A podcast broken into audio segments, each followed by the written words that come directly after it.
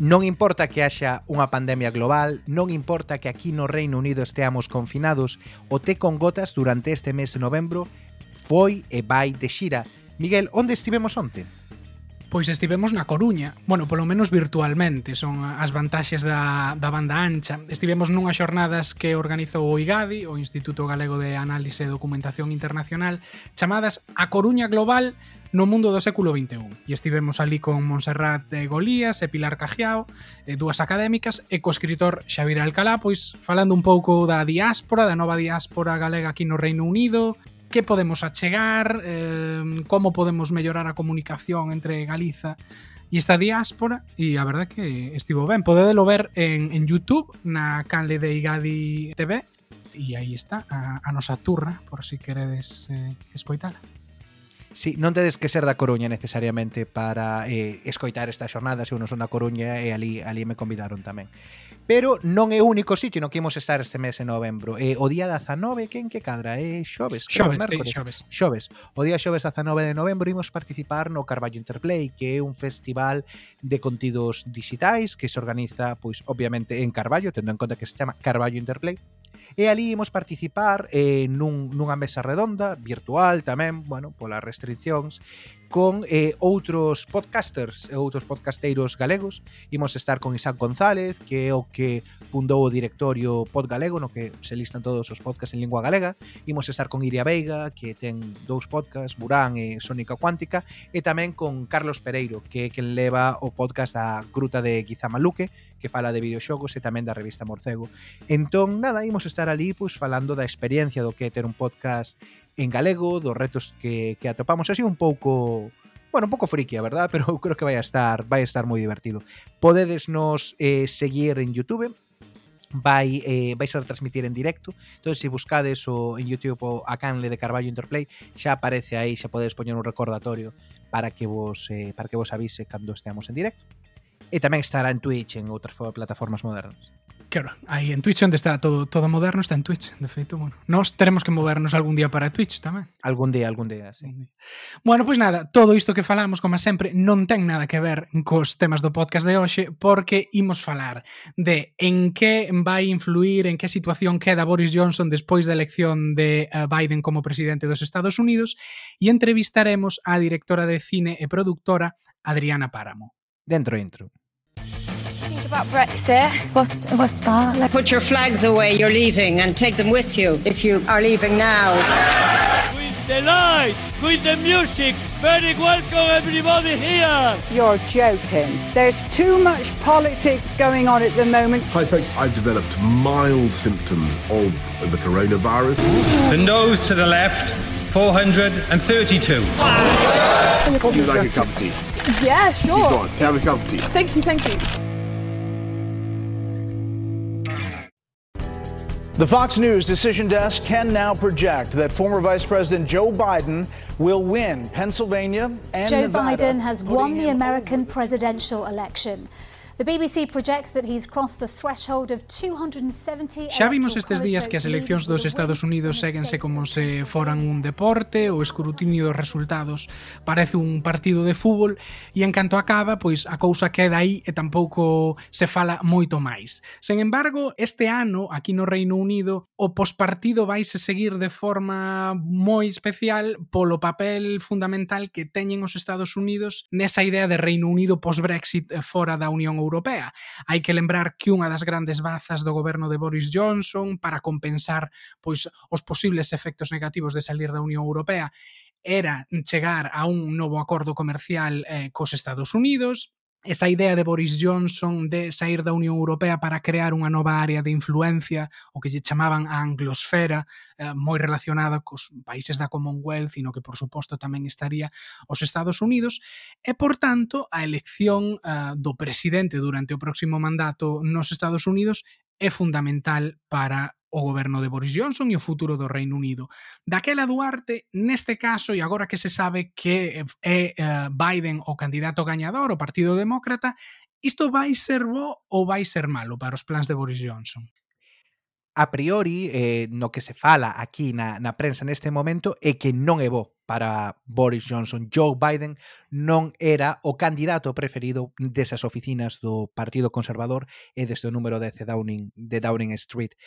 Pensemos que Boris Johnson, ante todo, é o primeiro ministro do Brexit. A ele elíxeno cun mandato moi amplo para ser a persoa encargada de sacar ao Reino Unido da Unión Europea, de negociar os acordos comerciais e de, e, e de crear, digamos, esta nova idea dun Reino Unido eh, global. Pola contra, Joe Biden é unha persoa que se manifestou en moitas ocasións como contrario ao Brexit, e a diferenza de Donald Trump, que era un entusiasta, digamos, da separación da Unión Europea, Joe Biden deixou moi claro que se el fose un deputado británico ou se el fose simplemente un cidadán británico, tería votado en contra do Brexit. Esta é a primeira diferenza entre Boris Johnson e Joe Biden. Had I been a member of parliament, had I been an, a British citizen, I would have voted against leaving. E ademais Boris Johnson nos Estados Unidos era visto un pouco como unha réplica de Trump. De feito, o propio Trump chamoulle o Trump británico a Boris. Biden falaba de Boris como un clon físico e psicolóxico de Trump E bueno, xente do seu partido abertamente amosou o apoio a Trump nestas eleccións e, por exemplo, unha das súas ministras, Liz Truss, nunha das súas últimas visitas aos Estados Unidos, reuniuse con xente da ala máis radical, máis libertaria do, do Partido Republicano. Por lo tanto, bueno, sí que estaba aí un pouco encasillado como o lado de, de Trump. E a maiores diso, hai cousas que, en concreto, Biden e a xente que o rodea non esquecen. Por exemplo, Boris Johnson en 2016, nun destes exabruptos que adoitaba publicar na súa tribuna de The Spectator, dixo algo así como que O motivo polo que Obama quitara o busto de Winston Churchill uh, da Casa Blanca foi pola, uh, polo seu pasado keniano, non? Tiña orixes keniatas, entón, bueno, como mm, digamos que o papel do Reino Unido eh, nesa parte de África non fora moi positivo, pois que tiña certos prexuizos contra o Reino Unido. Claro, dixo iso nun momento e tocou un tema un pouco controvertido porque era a época na que se estaba falando sobre si Barack Obama era nacido realmente nos Estados Unidos ou nacera en África, eh, aqueles bulos, todas aquelas fake news que saíran sobre o tema. Entón, bueno, foi foi un comentario un pouco desafortunado que parece ser que a xente do entorno de Biden non se esquece. Pero máis alá das diferenzas eh, persoais que poidan ter eh, un e outro, do apoio que puidera darlle ou non Boris Johnson no pasado a Trump, eh, isto pode ter un impacto político en cousas como o, o que falábamos ao comezo, o tratado comercial. Cales son, Duarte, eses puntos de fricción que dividen agora mismo, que separan agora mismo a Biden de Boris a hora de chegar a un acordo nese tratado? Pois para variar, con todos estes temas que teñen que ver co Brexit e cos tratados de libre comercio, o principal punto de fricción está sendo Irlanda. Se escoitades o Té con Gota regularmente, lembraredes que hai unhas semanas falábamos das dificultades que está habendo para evitar unha fronteira física en Irlanda do Norte. E claro, isto é particularmente importante nos Estados Unidos porque isto se remonta ao acordo de Benres Santo, ese acordo de paz entre o, o republicanismo irlandés, o IRA e o, o unionismo británico e o Reino Unido. Ese acordo de paz estivo garantido polo goberno dos Estados Unidos, tamén por un demócrata, por Bill Clinton, e apoiado pois por toda a poderosa comunidade irlandesa nos eh, nos Estados Unidos entón manter o acordo de Benre Santo que ten como un elemento principal que non exista unha fronteira física entre o reino dun, entre Irlanda do Norte e a República de Irlanda é algo absolutamente fundamental para os líderes demócratas, incluído Joe Biden.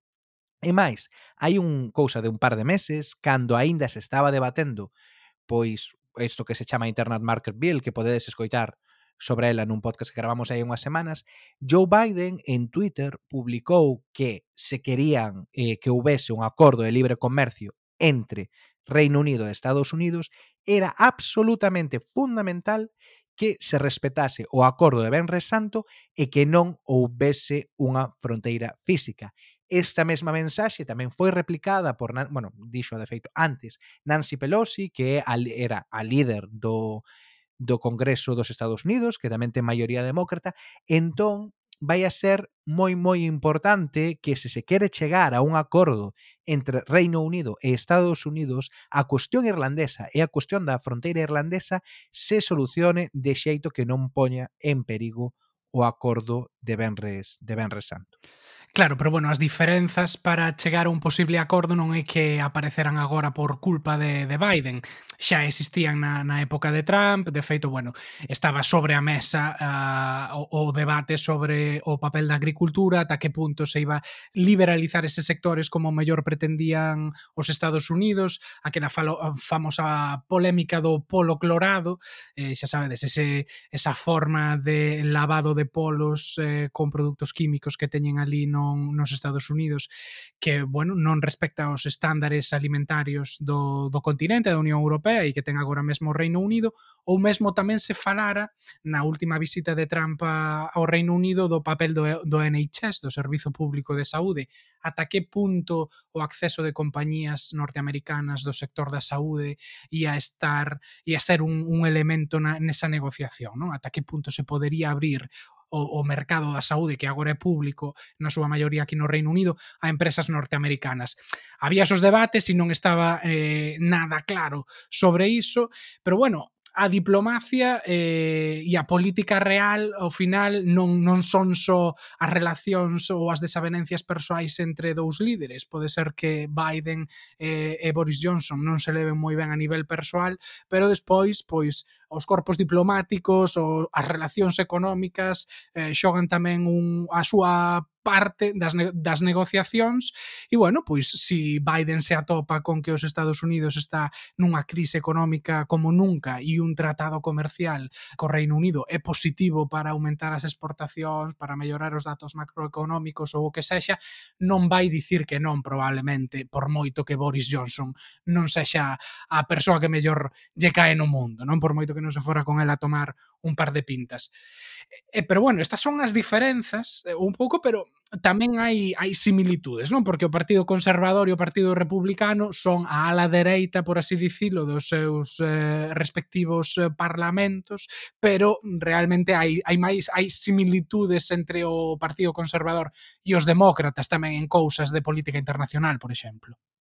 Claro, hai moitísimas similitudes e tamén che digo unha cousa, isto é unha opinión persoal. Eu creo que Boris Johnson e Donald Trump son moi distintos. E esta idea de equiparar a Boris Johnson con Trump, con Bolsonaro, a min sempre me chirriou moitísimo. Boris Johnson ven de outra cultura política, ten outro talante, ten outro xeito de gobernar, non me parece que sexan que sexan eh, para nada comparables. E hai unha cuestión que vai a ser moi importante agora, tamén as relacións que vai a ter o Reino Unido cos Estados Unidos, que a posición do goberno británico a respecto de moitas institucións internacionais. Vale, é verdade que o Reino Unido quixo sair da Unión Europea, houve un referendo democrático e, e saíron xa da, da UE, pero hai outra serie de institucións internacionais que Trump puña igual non en cuestión ao 100%, pero sí que pretendía reformular moitos aspectos desas institucións internacionais que Boris Johnson e o goberno británico non queren tocar. Un exemplo claro é a OTAN. Trump era moi escéptico a respecto da OTAN porque entendía que os países non pagaban o suficiente ou non contribuían a, a, a, ao mantemento da OTAN como contribuía os Estados Unidos. Bueno, eh, Boris Johnson non, non ten esa unha opinión negativa da OTAN, Joe Biden tampouco, aí hai esa, esa similitude. Hai outras cuestións, pois por exemplo, a respecto dos, eh, de cumprir determinados obxectivos eh, a respecto ao cambio climático. Sabemos que Estados Unidos históricamente é un incumplidor ou un, digamos, unha potencia que tivo certos prevencións á hora de asinar acordos internacionais eh, a respecto do, ca do cambio climático. Parece que Joe Biden non vai non vai manter a liña de, de Donald Trump ou de outros líderes anteriores. Boris Johnson e o goberno conservador pois tamén está dentro dos, conse dos consensos internacionais.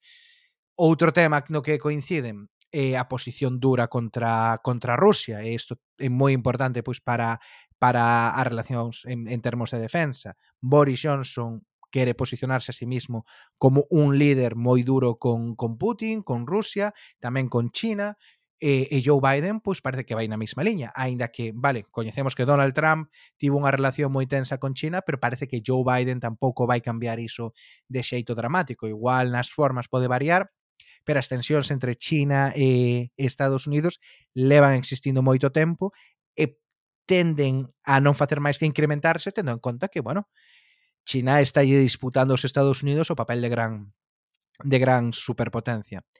Entón, bueno, hai moitas eh, moitas similitudes entre estes dous líderes. E, e despois hai outra cousa tamén que precisamente o comentaban nun podcast do The Economist recentemente. Eh, Biden é unha persoa que leva moitos anos eh, centrándose e especializándose en temas de política exterior ali nos Estados Unidos e é unha persoa acostumada a esquecer estratégicamente o que convén esquecer eh, se iso sirve para atender pontes eh, con outros países, con outros gobernos cos que a priori o mellor pois non hai unha sintonía total en, en moitos aspectos. E ademais diso, Boris Johnson tamén é un pouco esa figura camaleónica da que xa falamos aquí moitas veces, é ese primeiro ministro nacionalista pro Brexit que estamos vendo agora, pero tamén pode ser ese alcalde eh, verde ecoloxista a favor das minorías. É unha persoa que se adapta un pouco á audiencia e ao entorno. E si ben é certo que coqueteou con Trump e con co que era todo o mundo de Trump nos últimos anos, cando parecía que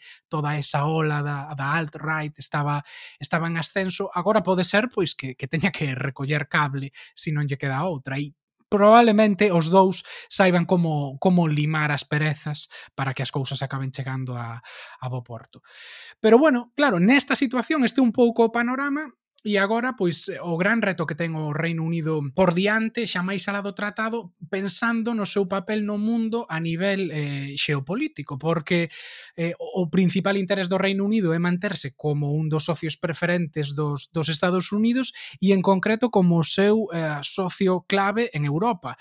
O Reino Unido, agora que sae da Unión Europea, en neste contexto, pois, mm, todo o mundo recoñece que é unha potencia en decadencia e perdeu precisamente ese ese atractivo que lle ofrecía antes os americanos. Antes o Reino Unido, como membro da Unión, era o interlocutor, era a ponte entre a Unión Europea e os Estados Unidos. Agora, eh, esa conexión eh, perdeuse. Por tanto, bueno, iso pode ser su, supoñer un problema. Eh, estáse a falar moito eh, de quen vai a suceder a Reino Unido nese rol, falase moito de Francia, e é curioso porque parece ser que o equipo de Biden, despois de toda a polémica que houbo nas anteriores eleccións con Rusia, cos contactos con Rusia e demais, non quixo ter ningún tipo de contacto con gobernos estranxeiros, coa excepción de Francia, porque parece ser que o principal asesor de política exterior eh, de Biden estudou en Francia e é amigo dun dos principais asesores de Macron, así que parece que Francia pode ser que tome que tome aí o, o relevo dese dese rol. E ademais, eh, Biden agora mesmo, o equipo de Biden e o equipo de Trump parece ser que non teñen ningún tipo de conexión. Ah, o equipo de Boris, non de Trump. Oh, perdón, e o equipo de Boris eh, non teñen ningún tipo de, de conexión. De feito, isto é gracioso, a única persoa que a administración británica tiña en Washington ben conectada con Biden era Kim Darroch, que era o anterior embaixador do Reino Unido ali, que dimitiu por unha polémica eh, de hai un, bueno, hai uns meses, hai ano e pico, na que nun informe dicía basicamente que Trump era unha persoa disfuncional e que non estaba para, para o posto que tiña. Eh, Boris Johnson non o respaldou, eh, entre outras cousas, pois pola relación que mantiña con Trump. Trump estaba moi cabreado con este con este embaixador, lóxicamente, e ao final o, o embaixador acabou renunciando porque non tiño o apoio do seu propio goberno e, bueno, pois vendo con perspectiva, non? Eh, son as consecuencias consecuencias daqueles polvos estes lodos, non? As consecuencias daqueles coqueteos coa administración de Trump eh, e Boris, pois levaron a que perderan o único contacto que o mellor podía tender pontes entre entre ambos entre ambos equipos. Claro, pero a fin de contas eu creo que o gordo da relación diplomática entre Estados Unidos e Reino Unido vai depender moito, como ti ben dicías, de que lle pode ofrecer o Reino Unido aos Estados Unidos. Agora que xa non van a ser o seu aliado predilecto dentro da Unión Europea, que ten o Reino Unido como potencia de tamaño medio e en decadencia respecto da súa influencia internacional, que pode ofrecerlle a un goberno de Joe Biden para que os sigan tratando como este aliado privilexiado da relación especial, non da que tanto falan aquí no Reino Unido. Pois iso está por ver está por ver como se como se concreta iso. Gustaríame ver eh, como vai a, como van a ser as relacións na OTAN, como van a ser as relacións militares. Lembremos que o Reino Unido nos últimos anos foi un aliado militar moi importante en moitísimas intervencións que fixo que fixeron os Estados Unidos, pensemos nas de nas de Oriente Medio, na guerra de Irak, etcétera, etcétera. Cal vai ser a oferta que faga Boris Johnson a Joe Biden como aliado útil? Bueno, irémolo, irémolo vendo nos próximos meses e nos próximos anos. Pois sí, sí, agora que mencionas esta pregunta, eh, xa que estamos falando de presidentes estadounidenses, viuseme a cabeza aquela frase, creo que fora de, de Kennedy, non de non te preguntes o que podes facer, o que pode facer o teu país por ti, pregúntate o que podes facer ti polo teu país, non? Fora de Kennedy. Sí, pen, penso que era de Kennedy, sí. Claro, pois eso levoume a pensar facer esta pregunta a, a todos os ouvintes do Te con Gotas, Non vos preguntedes o que pode facer o té con gotas por vós, preguntadevos o que podedes facer vos polo té con gotas. E unha das cousas que podedes facer para apoiar o té con gotas é facervos suscriptores do noso podcast en Patreon, en patreon.com barra eh, té con gotas. Tedes catro modalidades de suscripción, desde 2,5 eh, libras, bueno, ahora co cambio da moeda cambiou, pero bueno, entre 2,5 libras aproximadamente ata 10 libras ao mes, ademais de apoiar e de sentirvos moi ben por apoiar este proxecto, teredes acceso exclusivo a todos os nosos tes en gotas, que son pois eses podcast eh, curtiños que sacamos dúas veces ao mes. E bueno, podedes re mm, recibir o merchandising desde colantes ata tazas para tomar o, o te coas gotas ou sen elas, como queirades en Patreon. Eh, patreon.com barra tecongotas, aí podedes pois, colaborar e axudar con o so podcast pero abonda xa de falar de política internacional e abonda xa de falar de publicidade do Té con Cotas. Para esta segunda parte da, do programa imos falar en de cine, imos falar de audiovisual. Entrevistamos a Adriana Páramo Pérez, que é viguesa, é unha directora de cine e produtora, unha das fundadoras do Galician Film Forum, onde nos coñecemos xa hai eh, máis de máis de cinco anos, unha persoa coñecida na comunidade galega de Londres e recentemente tamén foi protagonista eh, nun document protagonista e produtora precisamente nun documental que se chama Entre dos Tierras, que é un filme do director Javier Moreno que fai seguimento pois de distintos eh, emigrantes do Estado español en Londres e pon o foco eh, neste fenómeno que se chama o do migratorio. Ola Adriana, que tal? Ola, moi ben. Antes de nada, para quen non estea familiarizado co termo, en que consiste iso do dó migratorio? Pois, eh, basicamente son un conxunto de, de perdas eh, polas que pasa o, o migrante. Eh, entón, bueno, é un proceso emocional eh, que moitas, do que moitas veces non se fala, porque tampouco está moi normalizado na sociedade.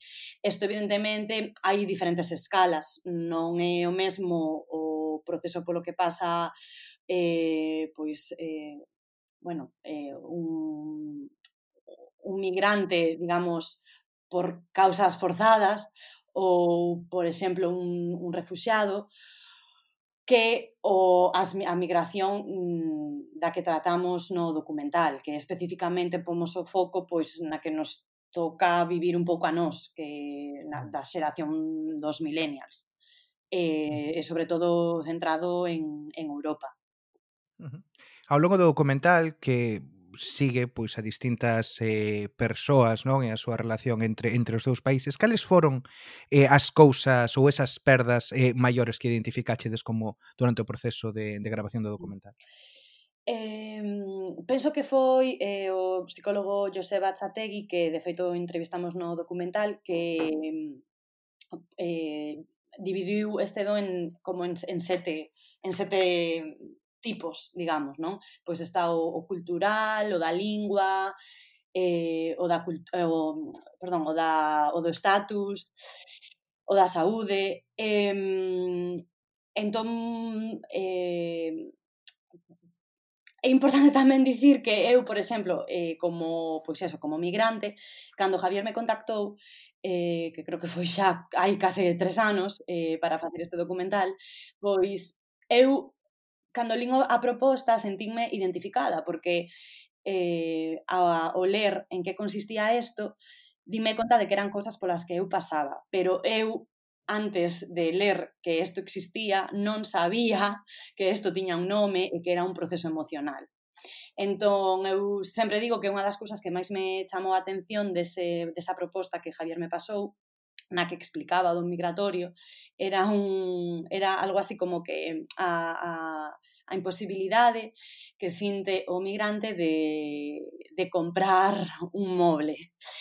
E isto que pode parecer ridículo, eh, pois a verdade é que foi o que me fixo querer formar parte deste proxecto, porque eu levaba xa eh, nove anos vivindo en Londres e, e eu nunca comprara un moble. E E para que vos fagades unha idea, pois eu traballo moito dende casa e pois nunca me comprara unha, unha mesa eh, a última que tiven, pois atopei un día cando volvía de festa pola rúa e a subín a casa.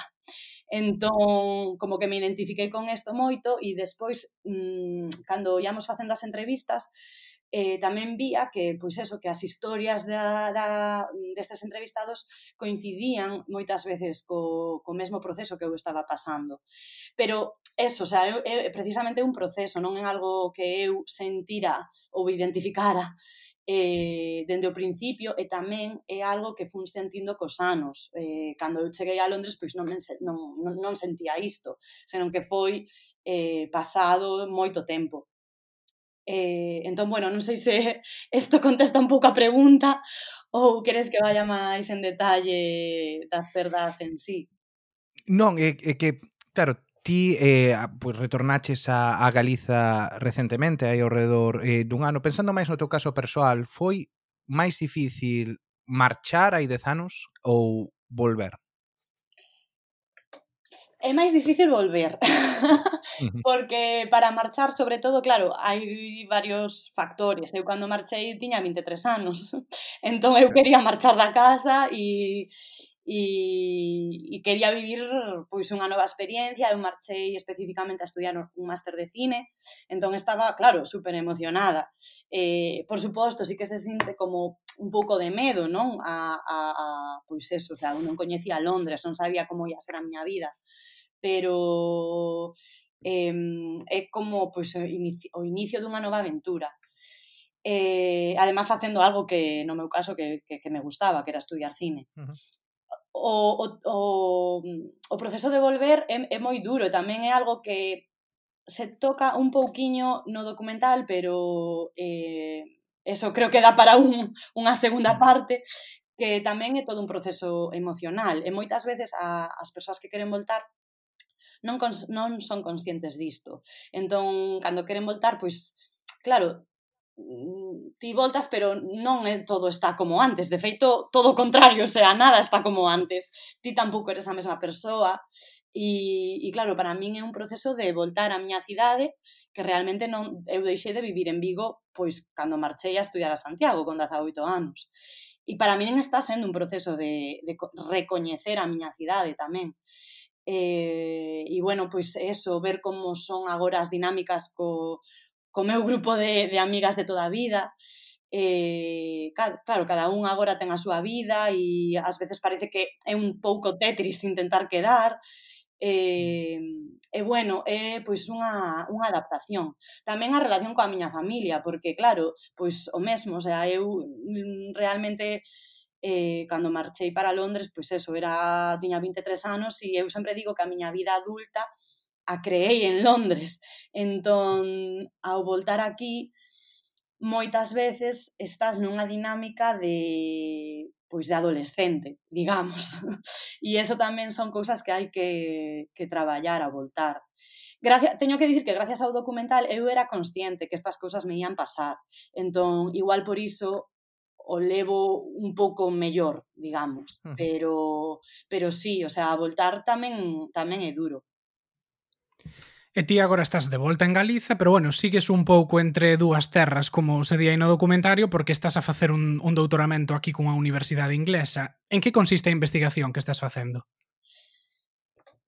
Pois é moi boa pregunta que ás veces aínda me custa contestar, pero eh, precisamente en, en técnicas documental e, e xénero. É un doutoramento práctico, entón Pois nada, isto consiste en que teño que facer unha, unha parte práctica que será un filme e, e a tese escrita. Eh, entón, bueno, eh, o, o, o meu proxecto pasou por varias etapas eh, o primer proxecto que fixen eh, centrábase sobre todo en estudiar o proceso creativo da, da actriz eh, pero agora digamos que se tornou máis um, cara, bueno, cara temas da maternidade e estou explorando pois eh, unha maneira un pouco menos estereotipada de retratar eh, o desexo de ser nai, o, o embarazo, o parto e o posparto. Uh -huh. E ti, bueno, fixeches o teu a túa licenciatura en Santiago, pero despois estudaches cinema en Londres, tes gravadas dúas curtas, pero profesionalmente desenvolviches a, a túa carreira en Inglaterra máis no eido da produción audiovisual. Para quen non estea familiarizado con esta industria e con este mundo, en que consiste o traballo dunha productora? Uh -huh. Pois hai diferentes tipos de produción. Eh, normalmente o que a xente ten na cabeza cando se fala de produción ou de produtor ou produtora é pois a persoa que ten a pasta para facer a peli, non? E isto tampouco é tan así, ou seja, non é que teña pasta, pero, bueno, un produtor executivo pois se encarga de, de buscar eh, os fondos para, para facer que, que, que, a, que a película sexa posible eu eh, traballaba ou traballo, sobre todo, pois no eido de eh, xefa de produción, non? O que sería en, en inglés, pois, eh, production management ou production coordinator. E basicamente isto es, mm, ten que ver con organizar as rodaxes. Entón, bueno, hai diferentes eh, tarefas, pero vamos, vai dende contratar a, aos freelancers ou eh, alquilar estudios, pedir permiso para gravar pois en localizacións, eh, e tamén ás veces facer un pouco de intermediaria entre o cliente e, e o montador ou o director do vídeo ou o director de foto. Entón, bueno, son, digamos que, labores de organización. Ti agora sigues traballando, bueno, eh, como comentábamos, estás facendo doutoramento eh, no Reino Unido, pero tamén o gordo teu traballo a día de hoxe é para empresas eh, británicas. Como é esta esta experiencia de vivir noutro país e continuar pois traballando para o país do que, do que acabas de retornar? É raro, e está sendo raro, eh, tamén supoño que pola pandemia.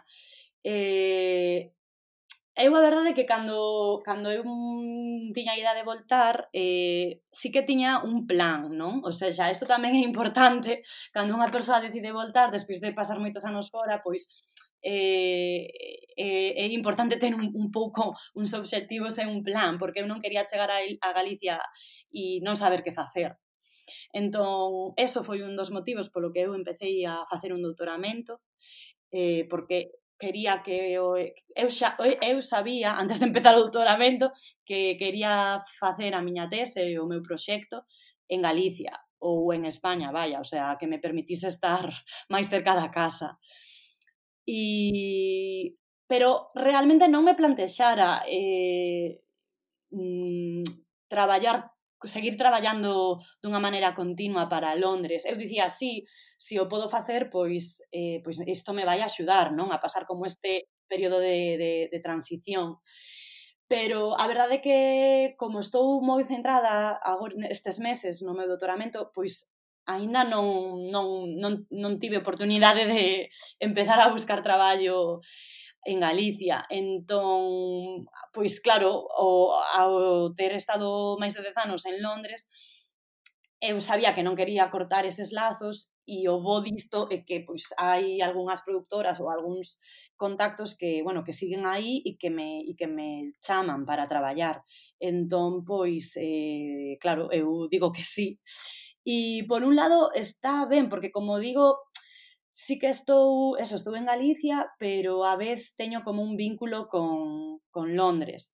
Eh, aínda que agora que vou ter que decidir, creo, eh, chegado o momento, será un pouco tamén romper ese vínculo, porque se o sigues mantendo dunha forma moi prolongada pois, eh, claro, o sea, non, non, non, non te deixa eh, botar raíces aquí. Entón, sí, supoño que haberá algún momento no que terei que, que cortar tamén ese vínculo profesional. Crees que a pandemia está pode cambiar un poquinho eso? No sentido de que xa que agora cada vez hai máis xente traballando desde casa, a localización física quizáis xa non é tan importante en algunhas profesións, quizáis podemos ser case traballadores eh, transnacionais. Crees que iso pode cambiar algo, algo chip? Eu penso que sí, porque mm, eh, eu creo que, que son ventaxas en, moitos, en moitas ocasións e creo que facilita moitas cousas. Eu agora, pois, justamente esta, esta semana empezo un, un traballo que, bueno, vou dar eh, un obradoiro de de cine a rapaces en escolas en, en Londres. De, claro, cada un dende a casa, pero, pero facilita moito, porque tamén é, esta actividade tamén xurdiu como unha maneira para, para os rapaces de, de, de, de entretemento, non? Eh, xa que non se poden xuntar cos seus amigos físicamente. Eh, por outro lado tamén eh, eu xa pois nun dos meus primeiros traballos que tiven en Londres en, en 2013 eh, sempre vin a, a este xefe que tiven como un visionario porque mm, eu me acordo que moita, eu pasaba tempadas traballando en Galicia porque el era moi fan de, de traballar dende casa. E, e de feito solamente íamos á oficina eh, dúas veces por semana. Entón, sí, a pandemia penso que está acelerando este proceso eso, pero creo que o, o, o mellor sería ter un, un balance. E, e bueno, eso, na, nas, nas profesións que se pode, claro. Eh, centrándonos un pouco uh, máis sobre a túa produción, esta pregunta ao mellor entra un pouco na sección cotilleo. Ti en 2010 eh, dirixiches a curtametraxe Illa Pedra, na que unha das protagonistas era Nerea Barros, que acabou pois sendo uh, premiada cun Goya como actriz revelación hai anos. Como foi dirixir unha curta con ela? Xa lle vías o, o talento daquela? Porque, bueno, isto foi en 2010 e a nivel do Estado español comezouse a falar máis dela uns 5 ou 6 anos máis tarde, non? Uh -huh, sí, é verdad. Pois a verdade é que teño que dicir que eh, nesa curta traballei con, con ela, con María Tasende e con Lucía Regueiro, que son as tres eh, moi boas actrices. E para min foi unha experiencia pois moi reveladora e moi satisfactoria. Para min era era a primeira vez que facía un traballo de dirección e aprendín moitísimo. E ademais, eh, con cada unha, pois foi unha maneira diferente de traballar. E con Nerea, a verdade que que sí que sí que recordo que era como moi eu recordo pensar que que eu pensaba que non estaba sendo directora con ela, porque realmente eu lle dicía unha, unha cousa e como que a sabía interpretar da maneira que eu, que eu estaba pensando, non? Entón, pois sí, recordo iso dela. Pero bueno, como xa digo, xa, xa traballar con elas a verdade que foi unha experiencia de, de aprendizaxe. Xa. Eh, bueno, ti, como dicía Duarte antes, fuches unha das promotoras aquí do, do Galician Film Forum en Londres. Um, falabas eh, de que no futuro pois sí que estarías interesada en botar raíces eh, na industria ali en, en Galiza. Como unha persoa que traballou anos fora, pero que tamén coñece como funciona eh, o mundo do cinema, aló, que opinas do actual estado do cinema galego? Mm. Eu creo que eh, e penso que moita xente opina desta maneira, que a verdade é que se está vivindo un momento moi bo, porque, bueno, pois está o novo cinema galego por aí, non? Que se fala un montón deste, destes, desta xeración de cineastas e, e creo que sí, o sea, que hai moitísima creatividade e eu non sei se é porque, claro, eu me marchei daqui con 23 anos e aínda casi non sabía nada sobre o audiovisual, pero o que sí que noto é que agora como que se, se fan moitas máis cousas. Eh, e hai como, sí, pois moitísima xente, non? Eh, interesada e con ganas, con desexos de, de facer cousas e de, e de cambiar eh, o, o audiovisual, as temáticas e tamén a, a maneira de producir e de facer cine. Entón, pois, bueno, eso. Por eso, tamén de alguna maneira, pois, eu, moita xente me pregunta, ah, pero ti deixas Londres e, claro, e o traballo, tal. Pero, sinceramente, o sea, non é, non sei, non é algo que, que me preocupe. Igual, claro, o sea, cada, cada cidade pois ten as súas cousas, evidentemente a industria galega é moito máis pequena que a inglesa, pero pero bueno, non, non sei, o sea, unha, apetéceme pro, probar este reto. E cales son así as grandes diferenzas polo que coñeces e tendo en conta que o gordo da tua carreira o desenvolviches en Londres, cales son as grandes diferenzas que ves entre como funciona a industria do audiovisual, non só do cine en concreto, senón do audiovisual en mm. xeral, entre Londres e Galiza, máis aló do feito de que evidentemente un mercado máis pequeno por, mm. eh, por tamaño? Eu creo, para min, eh, bueno, xa digo que, claro, eu tampouco que traballara aquí, non? Pero eu creo que en Londres é moito máis fácil facer cousas. E, mm, ou seja, aquí en Galicia podes ter moitas ideas, e, non? E o desexo de facelas, pero como que hai moitas trabas para despois leválas a cabo.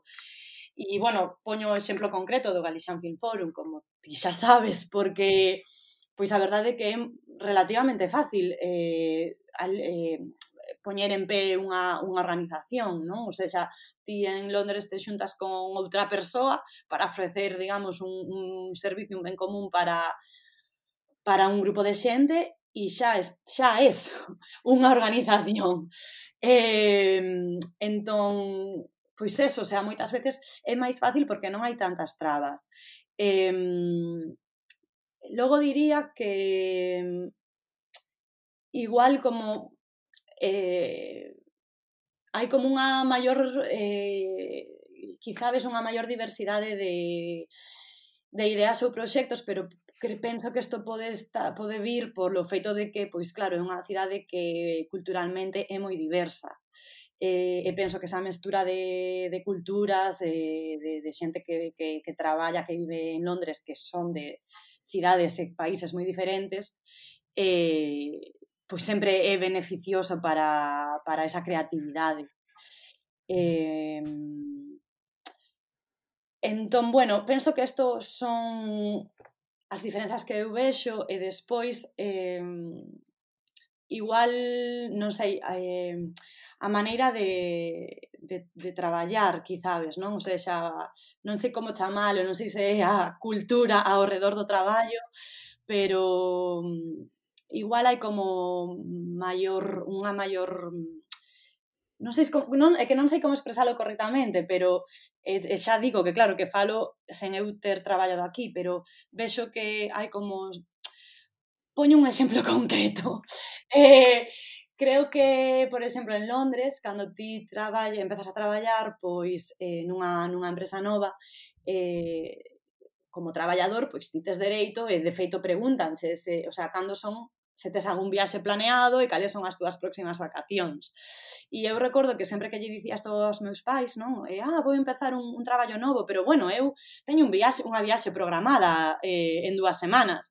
Claro, para eles isto era, dicíanme, pero ti estás tola, como vas facer iso? O sea, empezas a traballar, non podes marchar de viaxe.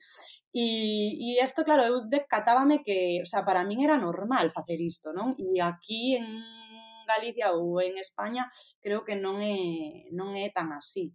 Eh, penso que a maneira na que está construída, pois, bueno, non sei, a, o traballo e eh, eh, a industria do traballo en xeral. Eh, entón, bueno... Sí, como cuestión máis cultural, non? Eh, que non é só algo do, do audiovisual, eu creo que é algo que notamos en, Exacto. en calquera sector, non? Sí, exactamente. E, e bueno, Tamén aproveito para dicir que sempre hai moita xente que me pregunta se atopei algunha traba por resto de ser galega, de ser española en traballando en, en Inglaterra, e a verdade é que non.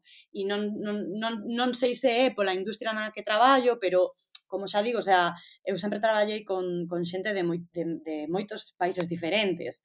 Eh, de feito, moitas veces en rodaxes hai unha maioría de xente non inglesa Entón, bueno, pois aí está un pouco a, a diversidade da, da que falaba antes, non? Bueno, eh, Adriana, e xa para eh, rematar, eh, aquí no te con gotas sempre vos mm, facemos un exercicio de política ficción na última pregunta e poñemos vos nunha situación utópica na que, bueno, neste caso serías conselleira de cultura dunha xunta de Galicia onde terías plenos poderes para facer e desfacer, para subir e baixar o orzamento. Eh, despois destes 10 anos aquí no Reino Unido que coñeciches, bueno, pois como funciona a máis a industria, como se pode relacionar coa administración, que políticas culturais, que ideas eh, exportarías para Galiza se foras iso, unha consellera de cultura para reforzar a industria do cinema?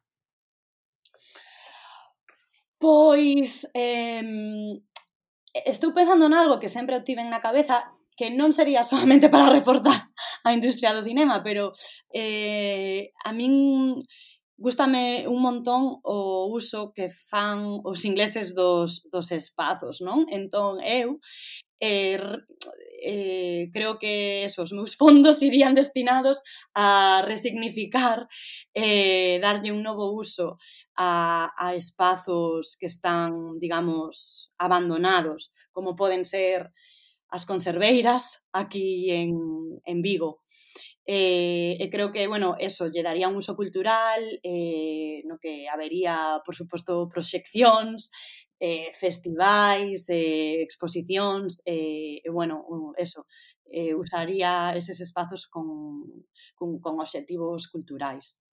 Pero contenos un pouco máis iso, que foi o que entón te chamou a atención ah, a, daqui do Reino Unido eh, eh e como funcionan eses espazos dos que falas?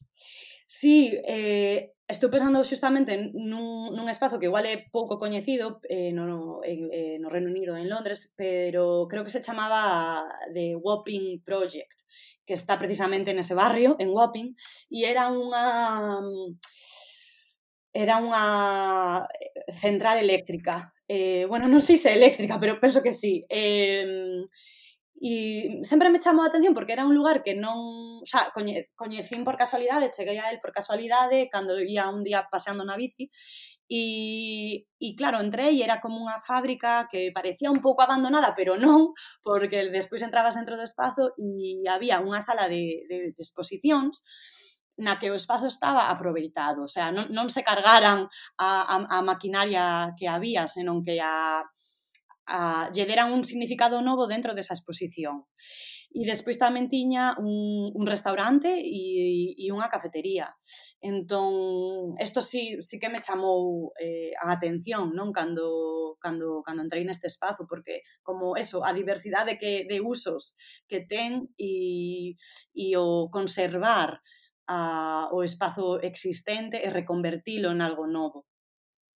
É un debate moi interesante. Na Coruña, por exemplo, esta antiga cadea provincial leva xa moitos anos falándose deste tema, pero unha, unha antiga cadea que leva anos pechada, que, bueno, pois é así moi bonita e está enfrente á Torre de Hércules, e nos últimos anos sí que se estaba falando precisamente diso, de rehabilitalo e darlle, darlle un uso novo. Precisamente fora un campo de concentración despois da Guerra Civil e tentar darlle un uso pois máis eh, orientado á cultura, á creación, etc. E, e, bueno, en Galiza será por industrias e naves abandonadas, por desgracia cada día máis, así que sí que habería mo moitas ideas de locais que reconverter para, para facer ali actividades de todo tipo. Claro, non só reconvertilos en centros comerciais. Exacto, exacto. Bueno, pois con esa reflexión eh, nos quedamos. Eh, Adriana, moitísimas grazas polo teu tempo. A vos, de verdade, un placer. Pois hasta aquí o noso podcast de hoxe. Agardamos que, que vos gustase. Xa sabedes que se queredes seguir eh, en riba da actualidade británica da Mandote con Gotas Tedes o noso newsletter eh, semanal. Ademais diso, continuaremos actualizando redes sociais En Facebook, eh, Twitter e Instagram. E voltaremos a próxima semana. Cuntes en Gotas O que xa sabes, só podedes escoitalos Se sodes suscriptores do noso podcast. Se non o sodes, xa sabedes cal é a dirección do Patreon patreon.com barra tecongotas e en dúas semanas no próximo podcast en aberto para todo mundo.